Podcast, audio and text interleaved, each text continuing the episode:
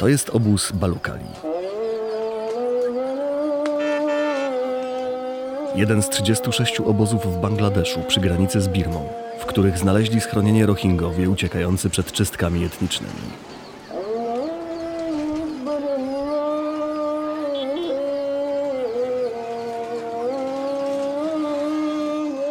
W regionie Rohingów przebywa ponad 900 tysięcy.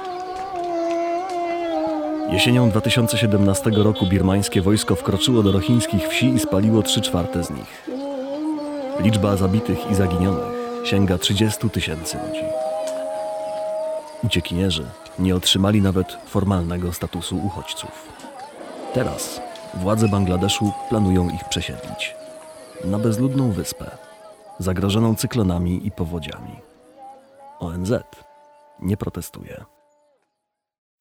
Odcinek zawiera drastyczne opisy. Podcast powszechny. Weź, słuchaj. Słuchają Państwo podcastu powszechnego przy mikrofonie Michał Kuźmiński. Ze mną w studiu Tygodnika Powszechnego przy Wiśnej 12 jest dziennikarz tygodnika, reporter Marek Rabi. Dzień dobry. Cześć Marku. Mija rok odkąd pojechałeś do Bangladeszu odwiedzić obóz uchodźców, do którego na przełomie 2017-2018 roku trafiło niemal milion ludzi szukających schronienia przed armią birmańską. A dzisiaj dowiadujemy się, że kilka dni temu, 3 y, kwietnia, armia birmańska po raz pierwszy użyła przeciwko Rohingom lotnictwa. Co się wydarzyło?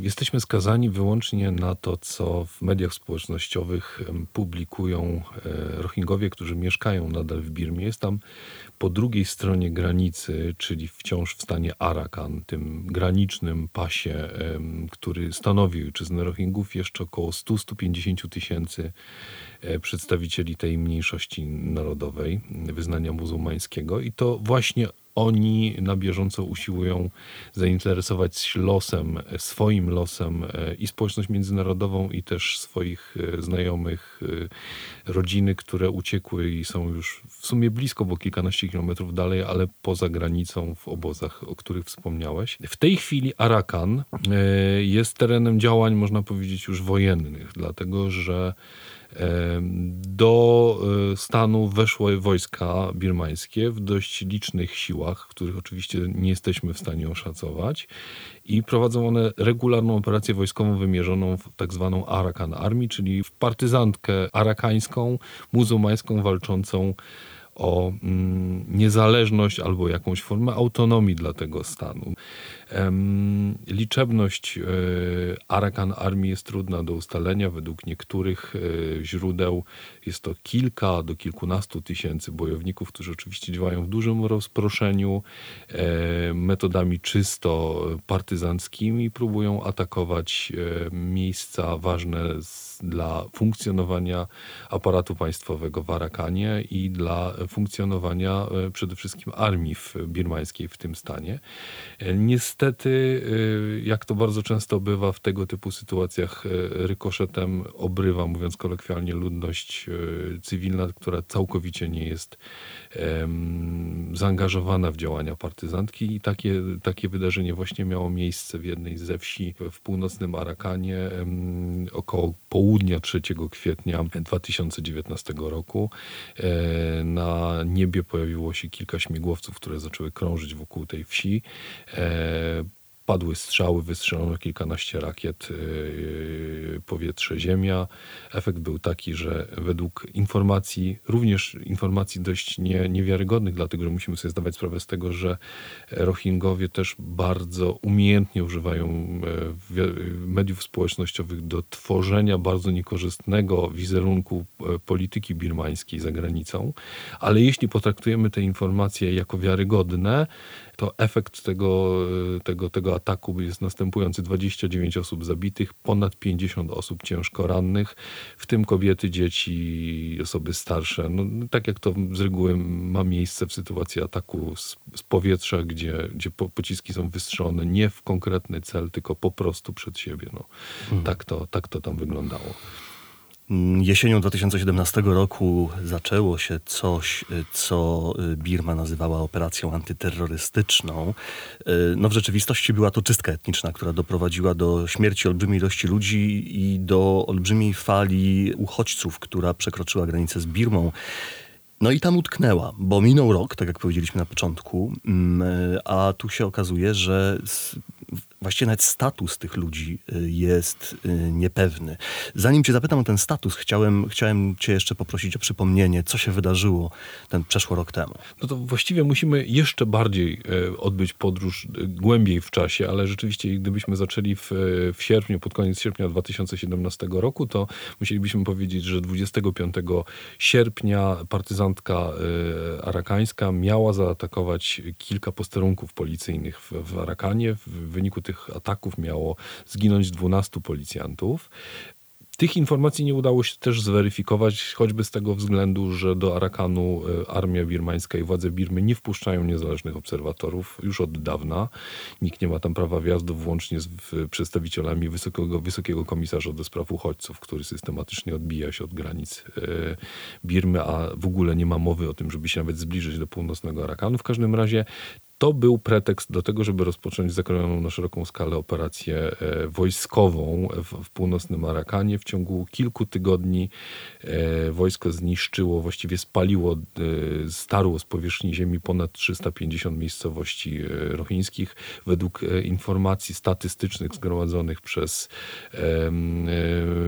Narody Zjednoczone to jest jakieś 75% wszystkich miejscowości zamieszkiwanych przez Rohingów. E, jeśli chodzi o e, bilans liczbowy tych wydarzeń, to początkowo mowa była o 10 tysiącach osób zabitych, wcześniej nawet mówiło się o 6 tysiącach osób zabitych. W tej chwili ten bilans już dojeżdża do 30 tysięcy zabitych, a sami Rohingowie mówią, że te metody liczenia e, zabitych są dość nieprecyzyjne, bo robi się to w ten sposób, że albo po prostu zlicza się osoby, które były widziane, że, że zostały zabite, albo ewentualnie osoby osoby trwale zaginione zalicza się do, do zabitych, tylko że musimy brać pod uwagę jedno, jedną rzecz, że żeby ten bilans się zgadzał, to przynajmniej jedna osoba z rodziny musi pozostać przy życiu, a wiemy, że takich sytuacji wielokrotnie nie udało się po prostu osiągnąć. Całe wsie, całe rodziny były zabijane przez, przez policję i przez wojsko birmańskie, więc są również szacunki, które mówią nawet o 90 tysiącach zabitych, więc to by było około 10% populacji zamieszkującej Arakan. Z jeszcze większym bilansem mamy do czynienia, jeśli spojrzymy na bilans migracyjny. W tej chwili w obozach e, po drugiej stronie granicy, przy, przy, po stronie bangladeskiej mieszka około 920 tysięcy Rohingów. To są dane oficjalne, przy czym 760 e, tysięcy uciekło w okresie od 25 kwietnia 2017 roku, powiedzmy do końca tego roku, kiedy, kiedy wtedy e, stopniowo zanikały te, te operacje militarne. Ja wspomniałem, że żeby zrozumieć w ogóle o co tam chodzi, mhm. e, musielibyśmy trochę polecieć jeszcze głębiej w, w historię Birmy, żeby zrozumieć, co sprawia, że e, władze birmańskie uporczywie usiłują wyrzucić y, milion swoich mieszkańców poza granicę. Otóż problem jest taki, że z punktu widzenia polityki Birmy, która w tej chwili buduje takie monoetniczne społeczeństwo skoncentrowane na można powiedzieć, etosie Birmańczyka, który jest buddystą, osoby innych wyznań są niemile widziane, a na pierwszym planie niemile widziani są muzułmanie, ale nie ze względów jakichś czysto ideologicznych, ale po prostu z tego powodu, że w pobliżu jest Bangladesz, który jest krajem e, muzułmańskim, jeszcze dalej jest kilkaset milionów, około 200 milionów muzułmanów zamieszkujących wschodnie, wschodnie Indie. I to wszystko powoduje, że 60-milionowa Birma trochę obawia się zalania przez żywioł muzułmański. W 1982 roku wprowadzono przepisy mm, o obywatelstwie, które na bazie cenzusu majątkowego i cenzusu e, ludnościowego przeprowadzonego jeszcze przez Anglików przed II wojną światową rozróżniły 135 e, mniejszości narodowych e, zamieszkujących Birmę. W rzeczywistości tych społeczności jest mniej, to jest kilkadziesiąt mniejszości etnicznych. Wśród nich bez wątpienia e, e, na płaszczyźnie takiej czysto naukowej, etnologicznej, możemy mówić etnograficznej, możemy mówić o e, istnieniu społeczności rochińskiej, która zamieszkuje Arakan od od niepamiętnych czasów ma własny język, ma własne wierzenia, własne zwyczaje, długą tradycję państwowości również. Dla władz birmańskich to wszystko jest jednak zbyt małym, zbyt mało ważące, żeby uznać Rohingów za część społeczeństwa birmańskiego i mówiąc wprost, odmawiają oni obywatelstwa Rohingom, uważając ich za tak naprawdę zbiegłych do, do Birmy obywateli Bengalu tak zwanego, czyli mówiąc krótko w tej chwili Indii i, i Bangladeszu. I to jest problem, który się kotłuje e, w polityce birmańskiej już od wielu set lat, właściwie od końca XVIII wieku. E, raz przybiera bardziej krwawy kształt, raz mniej. No i teraz jesteśmy właśnie świadkami kolejnej eskalacji, która spowodowała, że w prawie 200 milionowym Bangladeszu E, nagle wylądował milion y, cudzoziemców, a żeby sobie zdać sprawę ze skali tego, tego napływu, musimy pamiętać o tym, że ten milion e, mieszka w jednym dystrykcie Bangladeszu, w którym liczba rdzennych mieszkańców nie przekracza 800 tysięcy, więc rdzenni Bangladeszanie zamieszkujący dystrykt Cox's Bazar nagle zorientowali się w ciągu kilku miesięcy, że stanowią po prostu mniejszość w swoim, w swoim, w swoim domu. I to oczywiście też rodzi szereg skomplikowanych problemów y, politycznych, ekonomicznych, społecznych itd. Tak Natomiast ludzie, którzy y, zamieszkują te tereny, którzy, którzy tam y, przybyli, którzy osiedlili się w kompletnie zaimprowizowanych warunkach, o czym, o czym za chwilę, nie są z formalnego punktu widzenia uchodźcami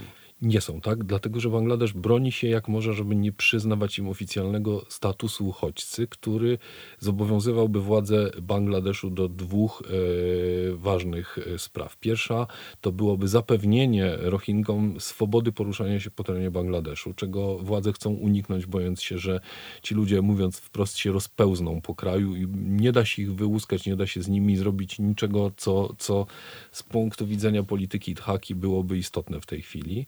E, druga sprawa, no to jest właśnie kwestia tego, że e, będąc, e, będąc uchodźcami, Rohingowie mieliby zapewnioną gwarancję ze strony władz i społeczności międzynarodowej, że nigdy nie zostaną relokowani wbrew swojej woli do kraju, z którego uciekli. To jest jeden z elementów mhm. gwarantowanych przez prawo międzynarodowe. Więc stąd usilne starania władz bangladeskich, żeby o e, Rohingach nie mówić uchodźcy, nie, nie nadawać im tego statusu.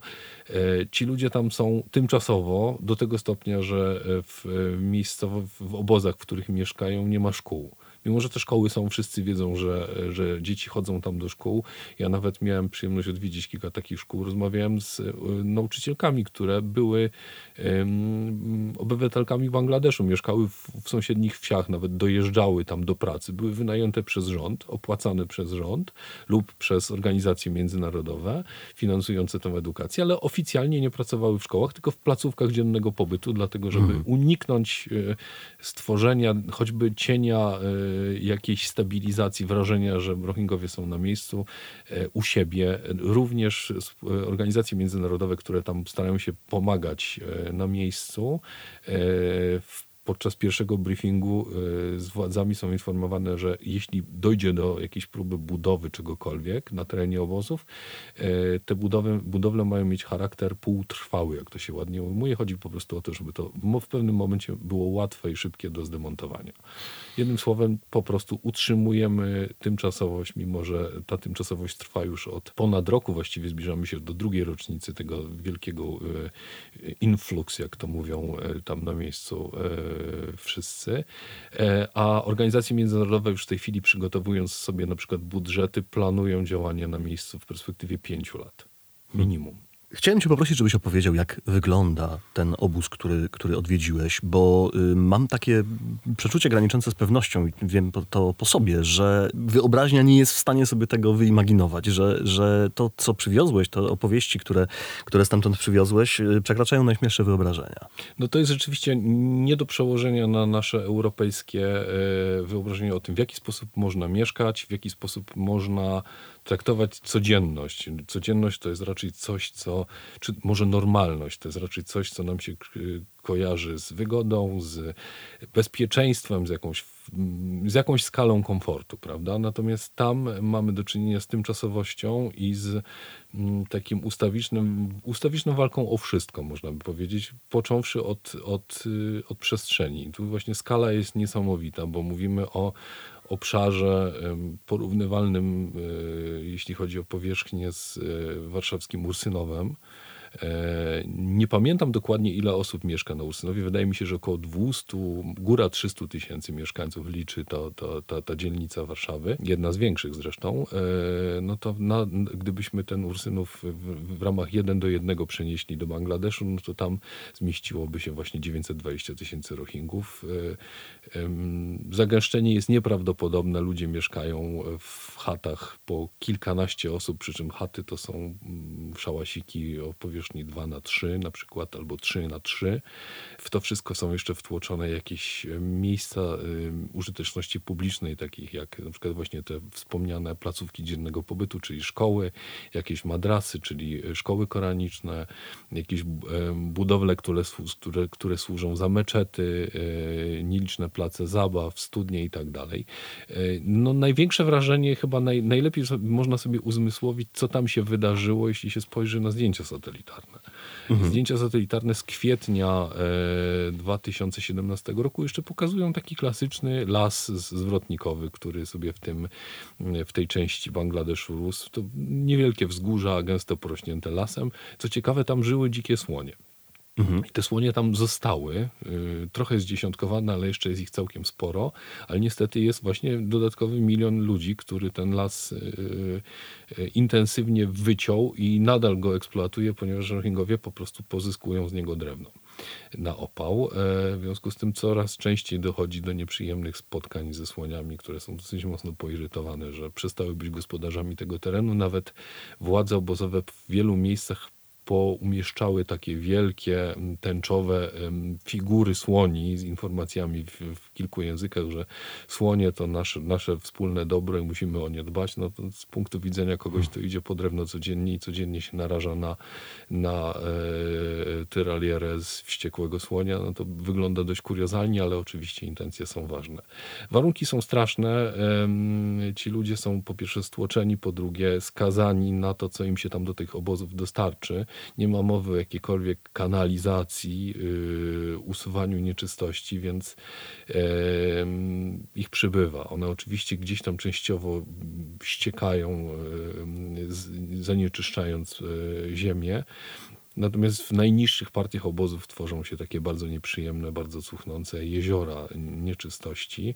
E, w tych miejscach oczywiście dochodzi systematycznie do e, epidemii biegunki, różnych innych chorób brudnych rąk. E, głównym problemem zdrowotnym w tej chwili na terenie obozów to są dane, które podają, czyli już jakby one są przysiane statystycznie władze obozowe, no to są właśnie problemy związane z chorobami układu pokarmowego, atakujące głównie dzieci i osoby starsze, które sobie po prostu nie radzą z, z tą skalą zanieczyszczeń. I w tych warunkach mieszkają ludzie, których spotkała niewyobrażalna skala okrucieństwa. No tak, to są ludzie, którzy w rozmowach e, na każdym kroku deklarują kompletny brak zaufania do jakichkolwiek instytucji.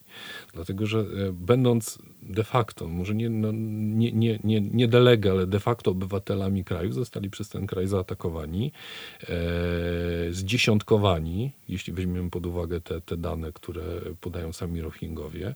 Niektórych wsi nie zostało po prostu suchy wiór i w, śmiertelność nawet wynosiła 50-60%. No takim najbardziej ekstremalnym przykładem, o którym będę piszę w książce, którą właśnie w tej chwili kończę, jest taka wieś Tula Tuli. Około 2,5 tysiąca mieszkańców e, i w tej wsi zginęło 2000 ludzi, łącznie z kilkuset osobami, które schroniły się w niej z innych wsi, które zostały wcześniej zaatakowane.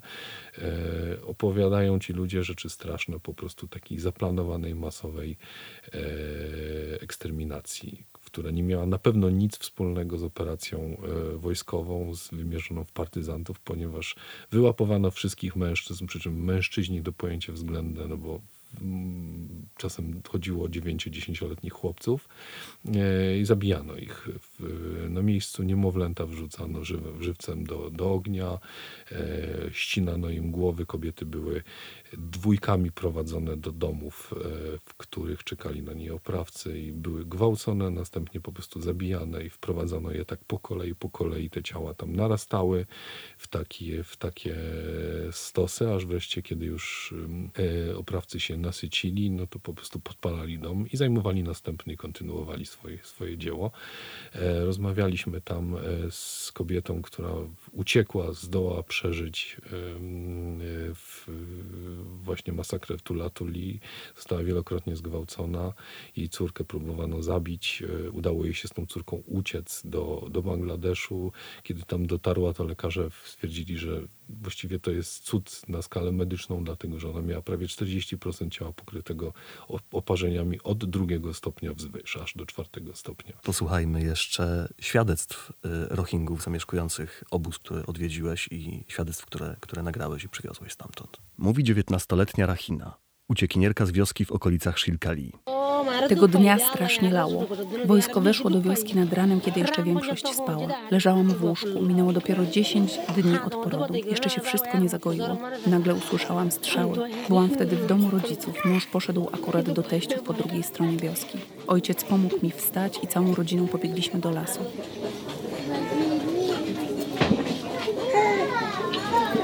Siedzieliśmy w jakiejś jamie, bo wojskowi wiedzieli, że część uciekła, szukali nas po lesie. Ze wsi przez kilka godzin dobiegały odgłosy strzałów i krzyki. Dopiero po zmroku ruszyliśmy ostrożnie ku granicy. Płakałam, bolało mnie nadal po porodzie, nogi nie miały się iść. Gdyby nie dziecko, zostałabym w tym lesie, chociaż po deszczu zrobiło się tam niebezpiecznie. Z ziemi powyłaziły węże. Szliśmy 10 dni. No straszne to było. Przez trzy dni nic nie jedliśmy. Dopiero potem znaleźliśmy odrobinę jedzenia w jednej opuszczonej wiosce. Minęliśmy ich dwanaście. Każda jak nasza spalona i splądrowana, wszędzie ciała. Nigdzie jedzenia, wojsko zabrało. Jednego dnia położyłam na chwilę córkę na ziemi, żeby zerwać owoc. Nagle coś mi się kazało odwrócić. W jej stronę sunęła po ziemi wielka kobra. Na szczęście obok był brat. Rzucił w węża kijem i ten uciekł. Mówi 33-letni Mukhtar Ahmed uciekinier ze wsi Shilkali. Nad ranem obudziły mnie strzały. Nasza wieś była długa, kilkaset domów między rzeką na wschodzie a górami na zachodzie. Strzały padały od południa, gdzie kawałek dalej od wsi stacjonowało wojsko. Zrozumieliśmy więc, że to nie rabusie, tylko armia i trzeba wiać. Chwyciłem jakieś ubranie, wybiegłem przed dom i aż mnie wryło. Kule gęsto świstały w powietrzu. To było jak silny deszcz. Oni po prostu walili do nas na oślep w ciemnościach. Jeden pocisk trafił mnie w lewe ramię, roztrzaskał obojczyk i wyszedł drugą stroną. Obok na szczęście był mój ojciec. Podniósł mnie z kimś jeszcze i pociągnęli do lasu. Z bólu straciłem przytomność. Kiedy się ocknąłem, leżałem na ziemi w pozycji, w jakiej układamy zmarłych, głową na północ. Ojciec z płaczem powiedział mi, że już mieli mnie zostawić, bo myśleli, że jestem trupem. Potem opatrzył mnie wiejski znachor, wyczyścił ranę jak mógł. Już tu w obozie podliczyliśmy, że tamtego poranka w wiosce ponad 60 osób zostało rannych, a 46 wojsko zabiło. Mówi dziesięcioletni Mija, uciekinier ze wsi Shilkali. Kiedy wojsko zaczęło strzelać w naszą stronę, pobiegłem w stronę lasu jak inni. Wtedy dostałem. Poczułem, jakby ktoś mnie bardzo mocno pociągnął za rękę. Przewróciłem się, zobaczyłem krew i dopiero wtedy zaczęło mnie boleć. Pocisk wyrwał żyłę, krwawiłem mocno, owinąłem więc ramię w ubranie, przycisnąłem drugą dłonią i tak dobiegłem do lasu. Bolało. Płakałem. Mówi 25-letnia Shamsun Nahar uciekinierka z wioski Napura. Kiedy wybrano Aung San Suu Kyi, mówili nam, że będzie lepiej i zaczęliśmy w to wierzyć. Myślę, że ona naprawdę chciała, żeby przestano nas prześladować. Może armia zabroniła jej nam pomóc, nie wiem. Z drugiej strony, kiedy jesienią zaczęły się dziać najstraszniejsze rzeczy, dlaczego milczała? Nie powiedziała nawet jednego zdania w naszej obronie. Ci ludzie właśnie w tej chwili zdani są na łaskę władz bangladeskich i na łaskę społeczności międzynarodowej, która w głównej mierze pokrywa koszty funkcjonowania obozu, dosyć spore, bo to jest około 800 do 900 milionów dolarów w skali roku i przede wszystkim wyżywienia. To trzeba z, codziennie do tych obozów dowieść kilkadziesiąt ton ryżu i innych e, produktów spożywczych, a i to nie wystarcza, żeby tym ludziom zapewnić coś, co można by nazwać godziwymi warunkami bytowymi. To jest po prostu cały czas walka o utrzymanie tej społeczności w ryzach jakiegoś takiego minimum wegetatywnego. No i stąd oczywiście też pomysły, żeby, żeby może coś z tymi Rohingami zrobić, żeby może ich jakoś poprzenosić, ale bez e, puszczenia tego, tego żywiołu na żywioł, mówiąc y, może nie do końca y, gramatycznie, kolokwialnie. E, powstał pomysł, zresztą już od dawna gdzieś tam kiełkujący w, w, w głowach oficjeli w Bangladeszu, żeby wykorzystać bezludne wyspy w Zatoce Bengalskiej i na jedną z nich, która nazywa się Chengar Chor e, albo Bashan Chor, bo to są różne nazwy tej samej, tej samej wyspy, przenieść kilka, kilka ponad 100 tysięcy, ponad 100 tysięcy Rohingów. Ten pomysł już był w 2012 roku eksploatowany, albo może bardziej testowany przez władze bangladeskie, ale wtedy ONZ się nie zgodziła. Stwierdziła, że przenoszenie ludzi na wyspę, która jest zagrożona e, w sezonie cyklonów e, wprost zalaniem i odcięciem od, od, od lądu, no to jest czyste barbarzyństwo. Hmm. No właśnie, bo to jest miejsce, które z opisu wygląda całkiem y, nieźle. Jest tam, piszesz w tekście w najnowszym tygodniku powszechnym, miasteczko dla 140 tysięcy osób z targowiskami, placami zabaw, szkołami koranicznymi. No, ale jest to miejsce narażone na y, regularne zniszczenie. Tak jest. No, znaczy, po pierwsze, nikt tego dokładnie nie widział, dlatego że y, władze bangladeskie nie do końca po, pędzą, y, są chętne do tego, żeby tam na przykład wpuścić dziennikarzy. Aha. Ja w czasie swojego pierwszego pobytu chciałem wjechać na Czengar Choro, ale powiedziano mi, że po co, nie ma sensu, po prostu stary, odbijesz się od drzwi, y, więc nie trać czasu. Mm, widziałem zdjęcia i filmy. Z, rzeczywiście no, to wygląda z daleka bardzo imponująco, bo to wygląda w sumie jak koszary, czyli takie bardzo porządnie zbudowane domy na palach e, w formie takich kwadratów z takimi pustymi dziedzińcami, e, zadaszone, nawet pod blachą zrobione. Co prawda nie wiem, jak w tych warunkach pogodowych e, latem w porze suchej pod tymi blachami będzie można wytrzymać, ale na pewno jest to lepsze niż dachy takie, jakie są tam w tej chwili w obozach w Bangladeszu, zrobione po prostu z patyków i ze śmieci. Cała infrastruktura ma być o niebo lepsza. Przede wszystkim tam ma być kanalizacja na Czy też na Baszanczor. Dlatego władze bardzo zachęcają Rohingów, żeby się przenosili. Tylko, że właśnie oni mówią, my nie chcemy. Po pierwsze nie mm. chcemy, dlatego, że to jest wyspa.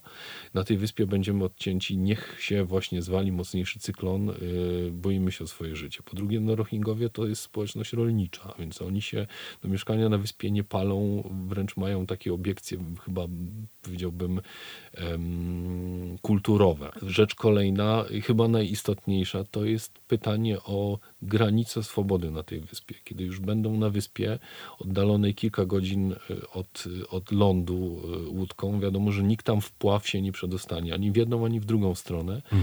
E, władze będą w 100% kontrolować ruch na wyspę i z wyspy, co będzie miało oczywiście pozytywy, no bo ograniczy infiltrację ze strony różnych grup przestępczych, czy, czy na przykład handlarzy ludźmi, którzy działają w tej chwili w obozach na, na lądzie, no ale z drugiej strony spowoduje, że Rohingowie staną się po prostu zakładnikami y, rządu bangladeskiego. Oni się tej sytuacji potwornie boją, bo już byli kiedyś zakładnikami pewnego rządu i wiedzą, że że, że no nie jest to sytuacja, w której y, rozmawia się z władzą jak równy z równym. E, zresztą te rozmowy, które w zeszłym tygodniu przeprowadziłem, e, oczywiście zdalnie przez mhm. zaprzyjaźnionego Rohingya, który tam mieszka na miejscu, e, pokazują w głównej mierze stan umysłu tych ludzi, którzy są po prostu potwornie nieufni i nie przemawiają do nich żadne argumenty, z wyjątkiem argumentu ich własnego, który brzmi następująco. My już kiedyś zaufaliśmy, my już kiedyś liczyliśmy na pomoc społeczności międzynarodowej i się przejechaliśmy, bo rzeczywiście w 2012 roku po poprzednim ataku władz wojsk birmańskich na Arakan, tych ataków było kilkanaście w sumie od 1979 roku. To przypomina taki trochę krwawy kontredans, bo wojsko birmańskie wchodzi, wypędza Rohingów przez granicę, oni po jakimś czasie pod naciskiem społeczności międzynarodowej wracają, nieczęściowo, nie, nie w całości częściowo. E, ci, którzy zostają, mieszkają od 1992 roku właśnie w obozach w, w, w Kutupalong, tam jest taka część, można powiedzieć, stare miasto, E, które stanowi taki, taki zalążek tego wielkiego e, organizmu obozowego. W 2012 roku, po tym ostatniej ucieczce, ONZ y, zagroziła Birmie sankcjami, powiedziała, że jeśli taka sytuacja się powtórzy, no to zobaczycie. No ale skończyło się na klasycznym dyplomatycznym grożeniu paluchem. E, w 2017 roku weszło znowu wojsko, no i już wtedy zaczęło się mordowanie na znacznie większą skalę. I wygląda na to, że tym razem ONZ przeciwko tym przesiedleniom już nic nie ma.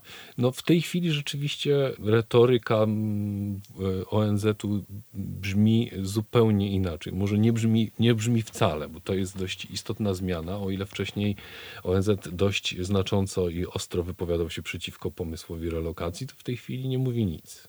Mówi, że no, oczywiście należy wziąć pod uwagę interesy samych zainteresowanych, wysłuchać ich głosu, ale to w języku dyplomacji nic nie znaczy. Wręcz można powiedzieć, że to znaczy taką milczą, oznacza milczącą, milczącą zgodę, zgodę dla planu y, rządu bangladeskiego. I tutaj wchodzimy jakby w obszar już grubej, dużej polityki międzynarodowej w tym, w tym rejonie, bo mamy Bangladesz, który jest w tej chwili e, można powiedzieć, sojusznikiem świata zachodniego. Rząd Sheikh Hasiny Wajet y, jest prozachodni, można powiedzieć, w tym znaczeniu, że jest zainteresowany utrzymaniem takiego, jak ja to nazywam, zamszowego islamu w Bangladeszu, czyli państwa, które oczywiście jest wyznaniowe, bo 78% społeczeństwa w Bangladeszu, Bangladeszu to muzułmanie, ale to nie jest e, islam w takim ekstremalnym wydaniu, jaki znamy na przykład w Afganistanie czy, czy w, w, w, w krajach e, Arabii Saudyjskiej. Właściwie jedynym takim ostrym przepisem obyczajowym, który jest y, y, powszechnie praktykowany w Bangladeszu, to jest zakaz y, sprzedaży alkoholu. Podkreślam sprzedaży, a nie spożycia, bo z tym już różnie bywa. E, natomiast władze żyją w komitywie ze społeczeństwem zachodnim. W tej chwili Bangladesz utrzymuje się w głównej mierze z produkcji odzieży dla e, dużych zachodnich i, i amerykańskich, europejskich korporacji. To jest, Bangladesz jest w tej chwili numerem dwa na rynku e, na, w, branży produkcji odzieży za Chinami intensywnie się rozwija. W związku z tym dla, dla władz w DHC to jest istotne, żeby te, ten status quo utrzymać. A to jest trudne z tego względu, że y, narastają w, w społeczeństwie samym bangladeskim takie tendencje jednak w, w, w, stronę radykalizacji. Oczywiście działają tam partie e, marzące o wprowadzeniu szariatu e, i, działają też siły, które chciałyby ten, ten kawałek świata jeszcze bardziej zdestabilizować. E, obok mamy Birmę, która od 2011 roku jest oficjalnie państwem demokratycznym, ale ta demokracja tam działa dość specyficznie, dlatego że w ramach pewnej ugody politycznej e, junta wojskowa zatrzymała sobie resorty siłowe i gospodarcze. Zresztą większość firm, istotnych e, instytucji dalej kontrolują generałowie. Mamy obok Chiny, które są numerem jeden w w, polityce regionu i mamy Indię. I problemem jest to, że i Indie i Chiny nie są w tej chwili przesadnie zainteresowane tym, żeby jakoś na Birmę naciskać e, e, i naciskać na Bangladesz, żeby tutaj cokolwiek zmienić, e, jakoś na trwale, trwale rozwiązać problem rohiński. Oczywiście można sobie wyobrazić coś, co postulują sami Rohingowie, czyli objęcie Arakanu protektoratem ONZ, wprowadzenie tam błękitnych hełmów i zapewnienie Rohingom możliwości powrotu do, do, do swoich domów, odbudowania ich, przede wszystkim zapewnienie im praw obywatelskich, żeby się ten, e, ta sytuacja nie powtórzyła, ale jest to nierealne z tego względu, że Chiny w tej chwili budują w ramach swojej polityki międzynarodowej mm, pas transmisyjny dla swojego biznesu w stronę e, Zatoki Bengalskiej. Ten pas e, autostrad, infrastruktury, który ma przeciąć Birmę od prowincji Yunnan w Chinach na północy, aż właśnie do Zatoki Bengalskiej, przebiega przez północny Arakan, kilkadziesiąt kilometrów od, y, od tych wsi, które zostały spalone w y, jesienią ubiegłego roku. Y, Birma buduje w tej chwili jeden ze swoich głównych portów przeładunkowych i będzie tam gazoport, parę jeszcze innych rzeczy. W związku z tym no, wygląda to w ten sposób, jakby, jakby Rohingowie musieli stamtąd zniknąć po to, żeby zrobić miejsce dla inwestycji infrastruktury infrastrukturalnych, więc wiadomo, że, że Pekin tutaj nie będzie naciskał na, na Birmę, bo ma w tym interes. Indie myślę, że w tej chwili mają większe problemy mm, po swojej zachodniej granicy, czyli w, chodzi głównie o problemy, napięcie z, z, między właśnie tym krajem a Afganistanem.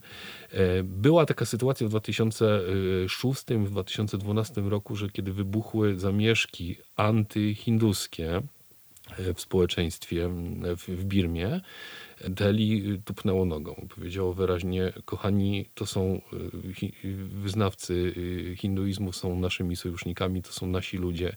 Jeśli pozwolicie sobie na, na, na zbyt dużo, to nasze lotniskowce dosyć szybko są w stanie dopłynąć y, do waszych wybrzeży, więc dobrze wam radzimy, nie róbcie tego, nie idźcie tą drogą i rzeczywiście Birma się zatrzymała. Natomiast w przypadku Rohingów nikt tego nie zrobi, dlatego że ich sojusznikiem jest tylko Bangladesz, a Bangladesz ma swoje własne wewnętrzne problemy na pewno nie będzie dążył do eskalacji problemu.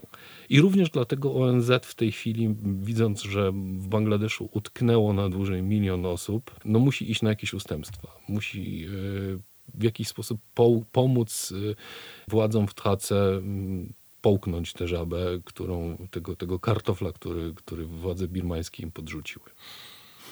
Tym osamotnionym Rohingom Państwo, nasi słuchacze, mogą pomóc. Tygodnik Powszechny razem z Fundacją Dobra Fabryka Szymona Hołowni prowadzi cały czas y, zbiórkę pieniędzy na realizację ich podstawowych potrzeb. Tak, mam nadzieję, że będziemy niebawem mogli Państwu się pochwalić jakimiś bardziej mm, zaawansowanymi projektami. W tej chwili wiem, że, że koledzy z Dobrej Fabryki przygotowują tam właśnie nasz rdzennie polski, e, dobro, dobrofabrykowo-tygodnikowy taki e, taki plac zabaw, takie miejsce dziennego pobytu dla dzieci, które chyba nie będzie szkołą, ale będzie po prostu rzeczywiście takim miejscem, gdzie dzieci mogą spędzić czas, czegoś się nauczyć, poznać jakieś, jakieś nowe rzeczy, jakieś nowe rzeczy.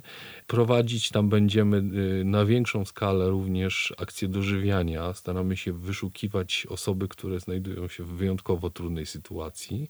E, są albo osobami samotnymi, albo bardzo schorowanymi, albo starymi, albo na przykład y, wyszukujemy kobiety, które samotnie wychowują dzieci i nie są w stanie dorobić, do, do, zapewnić sobie dodatkowego źródła y, jedzenia poza tym, co otrzymują z, z, od władz obozowych. Mam nadzieję, że ta, ta skala pomocy będzie coraz większa. Być może uda nam się zrobić jeszcze coś więcej, może wybudować jakieś domy, zobaczymy. To wszystko zależy od tego, ile pieniędzy uda nam się zebrać. E, potrzeb jest mnóstwo i będzie ich chyba coraz więcej. A swoje datki mogą Państwo przekazywać wpisując w przeglądarkę internetową adres powszech.net slash bangladesz myślnik zbiórka powszech.net bangladesz myślnik zbiórka. Reportaże Marka Rabija na stronie powszechnet slash bangladesz. Marku, bardzo Ci dziękuję. To ja powiem tak jak Rohingya, shukriya. Dziękuję. Weź, słuchaj, czyli podcast powszechny.